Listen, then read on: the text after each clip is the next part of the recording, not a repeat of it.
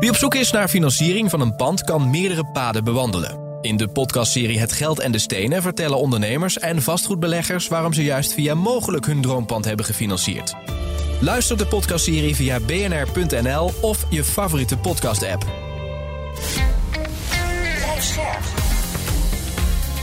BNR Nieuwsradio.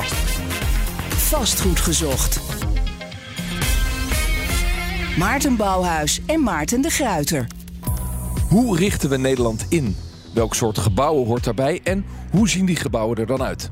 Het zijn vragen waar architecten wel een idee over hebben. Ze worden alleen veel te weinig bij dit beleid betrokken. Althans, dat vinden ze zelf. De vraag van deze week: hoe kijken architecten naar het Nederland van de toekomst? Dit is vast goed gezocht, jouw wekelijkse update over de wereld van de stenen. Je hoort ons natuurlijk elke maandagavond op BNR en altijd uh, online via de app of uh, gewoon bnr.nl. En naast mij zoals uh, elke week Maarten de Gruiter. Maarten, goeiedag. Goeiedag. Uh, nieuws van vorige week moeten we het even over ja. hebben. Dat doen we dan toch maar. Ja. Uh, en dat gaat over Philips. Nou, dat hebben we allemaal BNR uitgebreid behandeld. Er gaan heel veel banen weg. Er gaan 1100 banen weg in Nederland. En dan met name in Amsterdam en Eindhoven. Uh, maar goed, jij bent geen arbeidsmarktspecialist. Waar wil je het over hebben?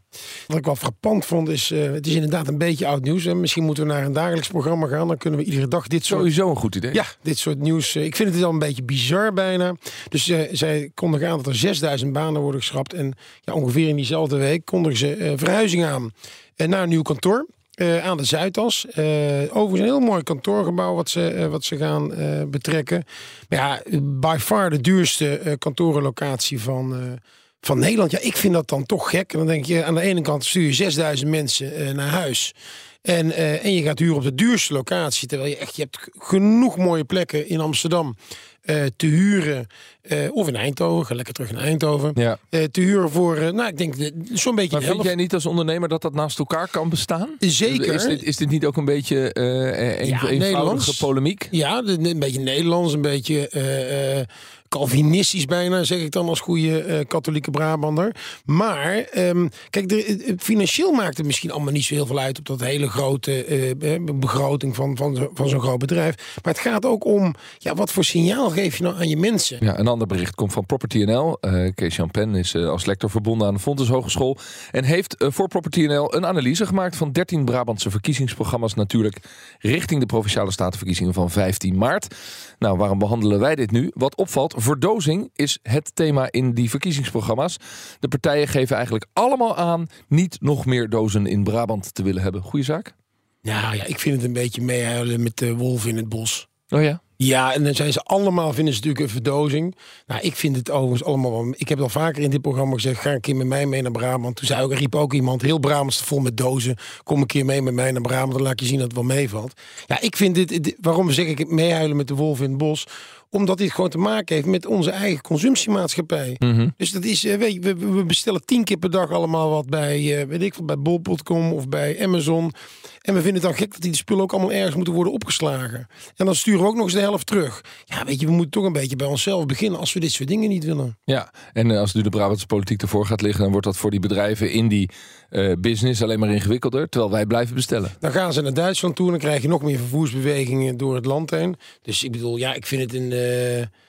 ik vind dat dit is net zoiets als dat, uh, dat, dat uh, beleggings. Uh, er mag niet belegd worden in, in de wapenindustrie. Zijn we allemaal enorm mee bezig. Maar we vinden nu wel dat er allemaal heel veel wapens moeten komen. Ja, nou, dat is ook wel een beetje, dat is ook wel een beetje verandering sinds de oorlog. Maar nee, interessant, ja, maar tuurlijk. We, we, gaan zien na 15 maart hoe dat gaat uitpakken bij die provinciale staatsverkiezingen. Tot Ja. slot, zoals elke week, maar ook deze week heb je je beste pak weer aangedaan. Nog een speciale gelegenheid vandaag. Nou, vanavond de afscheidsdiner van Roel van der Beeld. Die verdwijnt. die verdwijnt. Verdwijnt niet, toch?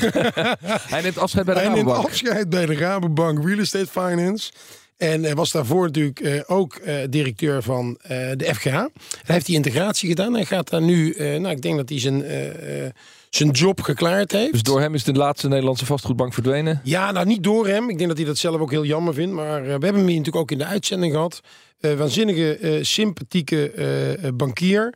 Ehm, en uh, ja, ik denk dat de, de vastgoedwereld hem zal uh, in deze functie in ieder geval zal missen. En inderdaad, het weggaan van FGH is denk ik heel jammer. Ik denk dat, uh, dat de, de vastgoedmarkt, zeker een gespecialiseerde bank, goed kan gebruiken. Zeker nu. Vastgoed gezocht. Ze komt uit de familie van architecten en constructeurs. Ze geeft leiding aan haar eigen bureau Urban Echoes... en is nu anderhalf jaar voorzitter van de Nederlandse Vereniging van Architectenbureaus, de branchevereniging. Een functie die ze nog in ieder geval tot deze zomer bekleedt. Jolijn Valk, van harte welkom. Dankjewel. Wat maakt nou een goede architect? Een goede architect die luistert vooral en uh, vraagt door.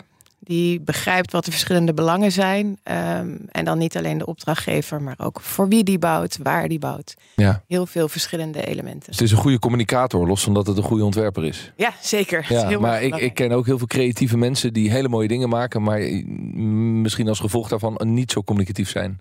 Omdat ze heel erg in hun creatieve processen zitten. Dus het lijkt me best wel ingewikkeld om te combineren.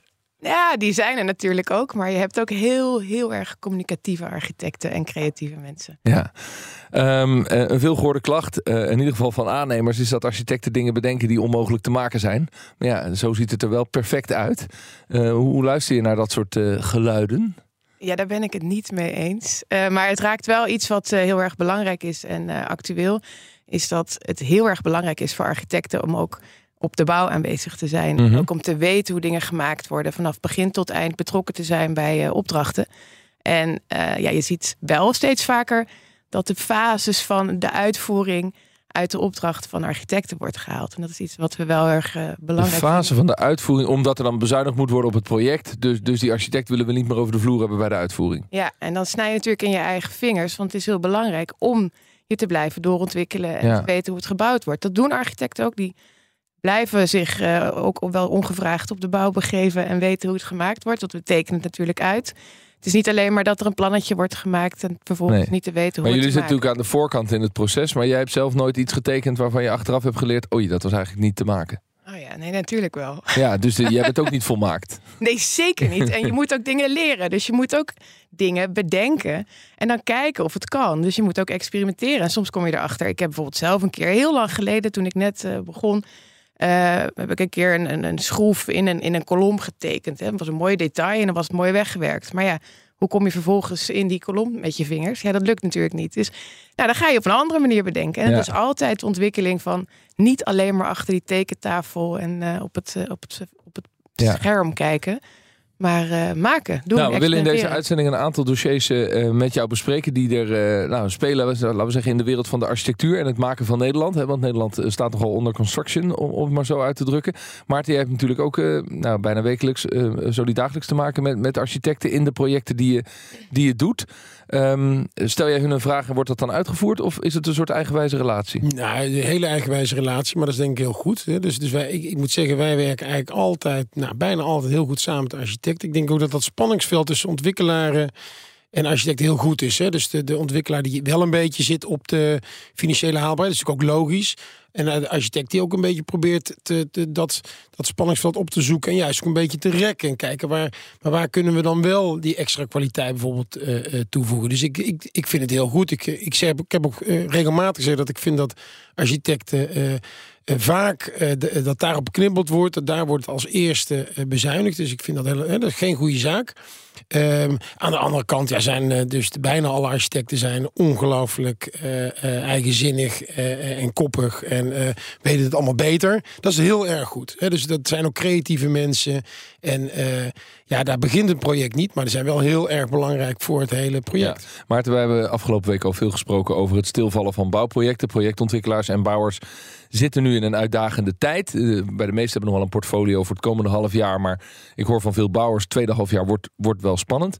Maar ik heb ook geleerd, uh, Jolijn, architecten staan aan het begin van die economische lijn. Wat betekent dat voor jullie diensten nu? Zie je het afnemen? Ja, we hebben de conjunctuurmeting gedaan van de BNA in het najaar. En dat laat echt zien dat, uh, uh, dat de opdrachten teruglopen. Ik heb wat uh, cijfers natuurlijk eventjes meegenomen. Ja. En dat is dat je ziet dat het met een maand teruggenomen is. Dus 4,7 maanden kunnen we nu vooruitkijken. En dat is, um, was in, in het eerste kwartaal van 2022 nog bijna zes maanden. Um, maar je ziet ook dat um, 86% van de bureaus die ervaart vertraging door gemeentelijke procedures. En dat is echt ongelooflijk veel. Ja. 50% die heeft dat door uitstel van productie, waardoor 40% weer minder uh, duurzaam wordt.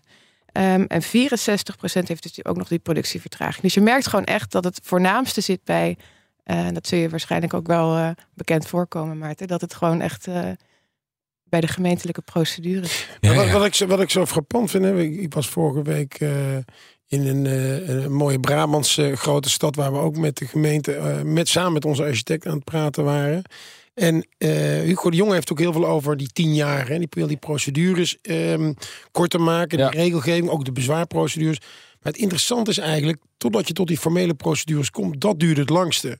En ehm, eh, eh, ik ben ook benieuwd hoe jij daarnaar kijkt. Want ehm, eh, binnen gemeentes zijn natuurlijk een aantal bureaus die zich met een aantal mensen die zich met zaken bemoeien op een manier die natuurlijk helemaal niet normaal is. Hè, stedenbouwkundigen, in dit geval bijvoorbeeld de stedenbouwkundige die het zelf het ontwerp was gaan maken, hebben wij een echt een, eh, een van de toparchitecten van Nederland meegenomen. En die man zegt van, oh ja, bedankt voor het ontwerp, maar ik dacht hieraan. Ja, en dan ben je vervolgens natuurlijk in die discussie die gaat ontstaan, zijn we gewoon weer anderhalf Maar dan, jaar dan verder. zijn er twee dingen. Dan is het dus misschien snelheid aan die gemeentelijke kant, maar dus ook eh ehm, schoenmaker blijft bij je leest. Volledig. Dus, dus de, de rolinvulling. Hoe, hoe kijk jij daarnaar? Er- Merk je ook die verwarring in de Nou, zo letterlijk als wat, bijvoorbeeld wat je nu, nu noemt niet. Maar wat heel erg belangrijk is, is dat je dingen samen moet doen. Dus inderdaad, dat je echt moet bedenken: oké, als je stedenbouwkundige bent bij de gemeente, zorg dat je het niet gaat ontwerpen, maar dat je een. Ehm, eh, ja, een beetje de, de hoofdlijnen, hè, duidelijk stedenbouwkundig, maar niet zo'n helemaal afgemeten kavelpaspoort. Van je moet precies. Maar waarom dit, is dat, dit waarom is dat moeilijk voor de stedenbouwkundige? Want die heeft namelijk Nou- een idee. Die heeft zelf ook een beeld van hoe zouden we dit voor onze inwoners moeten doen. Misschien legt de wethouder er wel heel veel druk op. Van ik wil dat het er zo uit gaat zien. Nee, het heeft ook gewoon, je hebt ook heel veel hele goede stedenbouwkundigen. Kijk ook naar aan. Amsterdam, die zijn er echt, echt waanzinnig. En ook bij de gemeentes, dat gebeurt ook heel vaak heel erg goed. Het gaat er gewoon om dat het niet alle regeltjes hoeft vast te leggen. Dus dat het gaat over ja, coalitions of the willing. Dus mensen bij elkaar die willen samen ergens toe komen. Ja. En dat betekent soms dat je ook niet alles moet willen vastleggen, maar ook moet kijken van. Maar is dat niet een dat- ideaalwereld eh, die, Ja. die niet kan? Omdat je, je, je, dat suggereert namelijk dat je in een soort van werkmethode met een, met een wit vel papier bij elkaar moet gaan zitten. En eens kijken, oké, we're the coalition of the willing. En iedereen heeft zijn rol en laten we dat dan samen gaan invullen. Terwijl de praktijk is, er is een projectontwikkeling, projectontwikkelaar bijvoorbeeld met een belang. eh, eh, of die heeft daar een grondbezit, of die heeft daar een aankoop gedaan. En dan gaat het spel op de wagen. En er is nog ergens een politieke kracht die invloed heeft. Dus dat, dat is gewoon niet de praktijk. nee, dat je dat zou willen. Nee, maar ik geloof wel, ik zeg ook niet een wit vel papier, maar helemaal uitgaan van alles vast te leggen om maar eventuele risico's te kunnen vermijden. Het gaat mij veel meer om het feit dat je vertrouwen hebt in de juiste mensen die je bij elkaar brengt. Architecten, ruimtelijke ontwerpers erbij betrekt vanaf het begin. Want je zegt wel, ze zitten er altijd vanaf het begin bij. Dat is heel vaak helemaal niet zo. Mhm. Dus laat ze nou meedenken als integrale en complex, eh, Ja. integrale denkers complexiteit aankunnen. Maar ik, dit, dit- dat is de- inderdaad toch een beetje wat Maarten een ideale wereld. Hè. Ik, ik denk namelijk hoe subjectiever je het maakt, hoe ingewikkelder het wordt. Ik bedoel, een welstand waarbij je zeven keer moet terugkomen over een of ander detail in, de, in, in je dak. Daar gaat toch helemaal nergens meer over. Je, toch, als je met elkaar als gemeenschap, dat is wel ongeveer duidelijk, eh, eh, zegt we er moeten 900.000 woningen bij. Dan ga je toch zorgen dat een welstand niet een project een jaar kan vertragen. Omdat ze vinden dat er ergens een detail. Ja. Dat gaat, maar dan, kijk, alles is, eh, alles is subjectief in een gebouw. Nee, ik begrijp. Maar we, we kunnen klagen over allerlei Hm. mensen die een rol hebben in dit proces. Maar er is maar één partij die hier aan tafel staat. Dat zijn de architecten. Ja. Dus Nee, maar dit voordat zijn we allemaal. Ja, maar er dit zit gaat ook- wel over- commissie en de gemeente de hak nemen. Nee, maar ik, ik noem deze juist specifiek, Ja. omdat dat juist haar vakgebied heel erg raakt. Dat Ja. is het vakgebied. Maar er zitten ook, eh, en dat gaat heel erg over collegialiteit. Het is natuurlijk absurd als projecten voor een jaar worden vertraagd door welstand. Ik zit zelf ook in verschillende welstandscommissies. En dat gebeurt bij ons niet. Het gaat ook helemaal- kun je mij straks even vertellen welke steden dat zijn? Dan ga ik het daar ontwikkelen. Nee, maar het gaat erom, je bent als collega onderling ook bij zo'n welstandscommissie. Je toetst de kwaliteit. En daar moet het over gaan. En die, die welstandscommissies zijn dus ook heel belangrijk, die kwaliteittoetsing. Dus het gaat Ja. niet alleen over, over kwantiteit, maar kwaliteit is net zo belangrijk. Want we moeten niet nu keihard door gaan rammen om maar die snelheid la- te halen, laten we daar even naar kijken. Want, dan wil ik naar het grotere plaatje kijken. Daarvoor zijn we hier. Enorme bouwopgave in Nederland. 100.000 nieuwe woningen. Transformeren van gebouwen. eh, Kantoorgebouwen die worden getransformeerd. Verduurzamingsslag moet ook worden gemaakt. Worden jullie daar als architecten voldoende bij betrokken, vind jij? Nee. Hoe zou dat dan beter moeten? door architecten niet alleen maar te zien als degene die dus het beeld maken. Verbeelden is een heel groot onderdeel van ons vak. Ehm, essentieel, want we maken een openbare ruimte. Die is van iedereen. Dat is dus gewoon hartstikke belangrijk. Iedereen merkt dat hij er gelukkiger van wordt of wat minder gelukkig, hoe het eruit ziet. Maar architecten zijn ook opgeleid om juist heel erg goed integraal te kunnen denken. Dus architectuur denken. Dus een, een, een, gebouw maken is hartstikke complex met al die verschillende belangen. En architecten kunnen bijvoorbeeld heel goed cijfers in ruimte omzetten. Of kunst en wetenschap. En daarin ook vanaf het begin die systemen mee ontdekken en mee ontwerpen. Ja, maar dat betekent dus dat je dichter bij de start van dit soort processen moet zijn ja. in individuele gemeenten, want daar komt het dan dus op neer. Ja, en dat je dus ook echt um, het belang van de innovatie inziet. Want als je alles eerst vastlegt van we gaan het bijvoorbeeld zo doen, mm ja, dan komt er geen innovatie. Dan komt er geen innovatie. dus dat is een oproep, oproep, aan de politiek of de ambtenarij. Uh, hou, de, hou de criteria een beetje open. Want dan kunnen we iets creatiefs. Er is natuurlijk een college van bouwmeesters. Ja. Uh, met de Rijksbouwmeester onder andere daarin. Die hebben toch ook een stem in Den Haag. Dus die proberen toch zich daar tegenaan te bemoeien? Zeg je van dat heeft, dat heeft geen invloed? Ja, zeker wel. Het is heel erg belangrijk. Het, Rijks, het Rijkscollege van Rijksadviseurs. Ja, ja. ja. ja het is ongelooflijk belangrijk. En Ehm, de Rijksbouwmeester is mijn voorganger uh, als voorzitter van de BNA. Ja. Um, en we hebben uh, goed contact. En dus, ja, we, we, hebben het allemaal over de kwaliteit uh, van de gebouwde ja, maar omgeving. datgene wat zij kunnen bereiken, dus bij de politiek, is onvoldoende. Het is nog niet voldoende. Nee, en het is ook, ligt ook niet alleen daar. Het ligt er ook aan dat we allemaal het belang van architectuur zien. Dus je kan heel erg in Den Haag gaan lobbyen en zorgen dat het daar doordringt. Dat is heel belangrijk. Maar we moeten ook het allemaal beseffen dat schoonheid echt heel erg belangrijk is. Maar, maar hoe zie je dat praktisch dan? Deze nou, hoe, hoe, zie je het praktisch? Want er is, er, er is een commissie. Ik bedoel, in iedere stad zijn er, ja. uh, zijn er architecten die een belangrijke rol vervullen binnen de gemeente. Dus hoe zie je het praktisch dan? Wat moet er nog meer gebeuren? Um, ja, ik denk echt dat het gewoon meer het besef moet gebeuren dat iedereen snapt. Ja, maar hoe zie je dat praktisch? Hoe moet je dat praktisch invulling gaan geven, dat besef? Door uh, zichtbaar te zijn. Dus uh, doordat je ook als architect zichtbaar bent in dit soort programma's, maar ook bijvoorbeeld in publieke uh, nieuwsprogramma's op tv en de populaire programma's, dat je gewoon ziet wat architecten doen. Er is best wel een beeldvorming over wat architecten doen. Um, ja? En het, ja, ja, je merkt ook vaak, heb ik ook in interviews, dat je negatieve kant, of voor wie bouw je nou eigenlijk, voor jezelf, of uh, wat is nou het doel?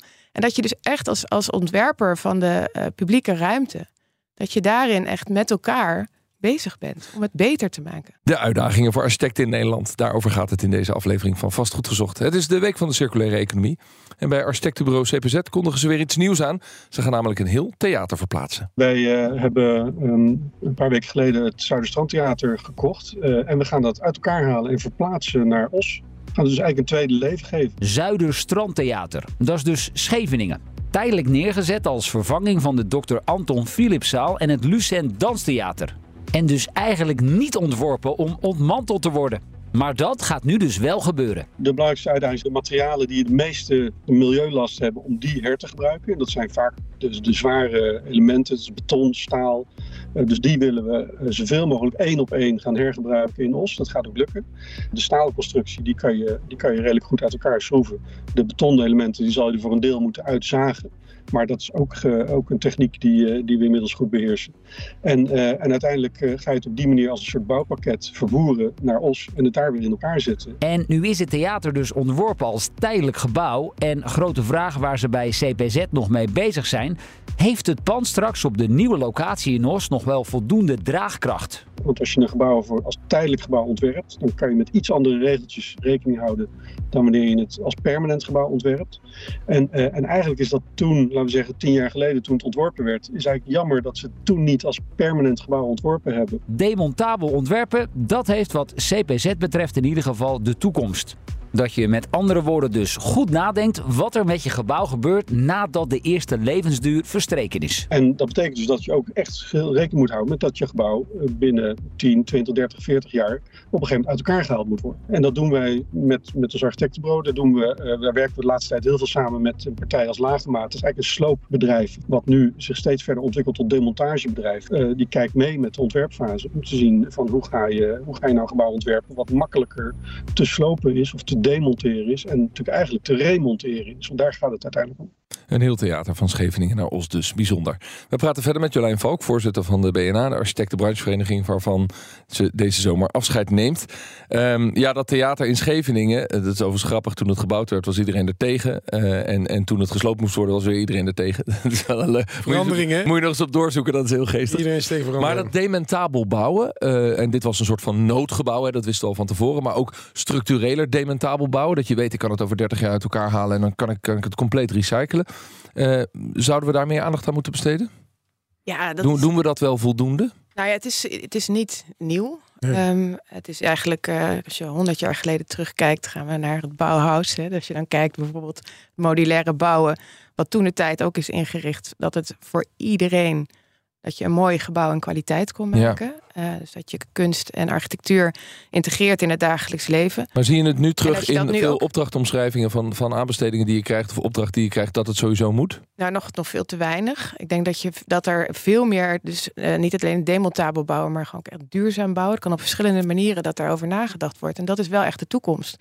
Dat je dus echt heel, ja, materiaal is, is schaars en, eh, en vervuiling is, eh, is ellendig. Dus we moeten echt zorgen dat we daar meer over nadenken. Het mooiste is natuurlijk als je het helemaal niet hoeft te demonteren. Het mooiste is als je het in het gebouw Precies. zelf weer kan hergebruiken Ja. in andere functies. Dus je moet gebouwen zo ontwerpen dat ze in de toekomst van alles nog kunnen worden. Ja, en Ja. als je dan dus kijkt naar, hè, net je vraag van eh, hoe zie je dat dan praktisch? Dat is echt een oproep aan, nou ja, aan jou en, eh, en je collega's, maar ook aan de overheid. Van betrek die architecten dan meteen erbij. Want dat gaat over wat je nu zegt.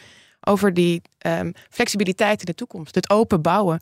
Ehm, eh, een project in Amsterdam, in Amsterdam-Noord van eh, Olaf Gisp- Gipser, moet het goed zeggen, gaat dus heel erg over die eh kolommenstructuur, maar waarbinnen flexibele wanden kunnen plaatsvinden. Ja, maar, maar, vind is- je dan wel dat beide moet? Dus dat je en moet kijken van hoe kan ik dat pand in de toekomst anders gebruiken? Ja. En als ik dat nou niet anders wil gebruiken, moet ik het kunnen demonteren en moet ik alle materialen kunnen hergebruiken? Ja, je moet wel goed nadenken waar je je prioriteiten legt. Ja, Dus dat is kijk, mijn vraag je- aan jou. Zou het niet allebei moeten? Nou, dat kan soms niet allebei. Soms is het heel erg belangrijk dat je kijkt van nou, dit gebouw, bijvoorbeeld een, een openbaar, eh, dit, bij de theater was het in, in eerste instantie een noodgebouw. Maar als je Ja. kijkt naar een stadhuis of eh, bepaald erfgoed, nou zorg dan dat het gebouw alsjeblieft over 50 jaar er nog prachtig uitziet. Ja, ehm, wat in de branche gemeen goed is, zijn aanbestedingen. Ik zei het al even, bij grote projecten van publieke opdrachtgevers is het zelfs verplicht. En dat is ook wel lastig, want dan steken meerdere bureaus tijd eh, in het werk en eentje krijgt hem.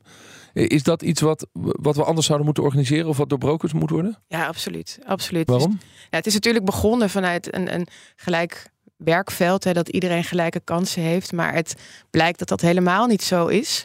Eh, de overvloed aan referenties, eh, wat je moet aandragen om ook maar een school te kunnen bouwen, weet ik uit ervaring met mijn eigen bureau.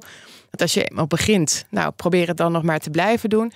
Ehm, het is niet het is altijd... ook heel moeilijk om als nieuwe architect een school te bouwen als je nog nooit een school hebt gebouwd. Als jij nog nooit een school hebt gedaan, kun je geen school doen. Maar dus ik heb dan met... zit je in een soort catch-22. Dat klopt. Het is heel moeilijk voor jonge bureaus. Ik heb mijn bureau nu een jaar of tien. Dus ik ben in 2010 afgestudeerd.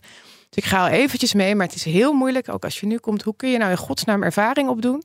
Zonder dat je ervaring op kan Maar doen. goed, omdat je we, geen we willen geen, kan. we willen geen handjeklap, zeker niet in de bouwwereld. Dus we moeten het wel eh, transparant maken, zeker voor openbare eh, en publieke eh, werken. Maar je zegt, dit moeten we wel veranderen. Ja, want je moet he- het hoeft niet allemaal precies. Als je een basisschool moet doen, dan moet je een basisschool hebben gedaan. Om het even daarbij dat voorbeeld te houden. Binnen de, de afgelopen vijf jaar opgeleverd. Wil je dan bijvoorbeeld een middelbare school doen, dan voldoe je er niet aan. Want dan heb je een ander lijstje. Nou, Ja, dus we zouden die criteria moeten oprekken. Criteria moeten ruimer. Er moet uitgegaan worden van het feit dat je dus opgeleid bent, dat je dingen kan, dat je het ook niet alleen doet, dat Ja. je eh, adviseurs hebt, een opdrachtgever hebt, een team van specialisten om je heen. En stel dat je dan toch met drie bureaus meedoet in de strijd, zou je dan wel allemaal je uren kunnen moeten factureren in het project, zodat je in ieder geval niet gratis aan het doen bent? Ja, want hoeveel geld er wordt weggegooid. Het is echt kapitaalvernietiging aan alle tenders. Het is ongelooflijk. Ik heb afgelopen jaar bijvoorbeeld, dat, dat zelf, maar ook heel veel bureaus natuurlijk vanuit de, eh, de branchevereniging. Merk je gewoon, dan doe je mee, maar uiteindelijk wordt het eigenlijk een verliesmodel in plaats van een verdienmodel. Want je geeft echt, je moet gewoon eh, ongelooflijk veel geld en uren en tijd en kwaliteit investeren. Het Ja. is zonde om dan te zien wat voor prachtige plannen er worden gemaakt voor één, één opdracht, één locatie. En dan gaat er maar één door. Ja, die En ik- oproep is, eh, is duidelijk. Maak het minder stringent. Eh dankjewel, Ja. Eh, Jolijn Valk, voorzitter van de BNA en eh, eigenaar van eh, Urban Echoes. Eh, dank voor dit gesprek. Maarten, jij bedankt. Eh, veel plezier eh, bij het feestje van, eh, van Roel. Ja. Eh, volgende week zijn we er uiteraard weer. Bedankt voor het luisteren. Dag. Vastgoed gezocht wordt gesponsord door Mogelijk. Mogelijk. Vastgoedfinanciering voor ondernemend Nederland.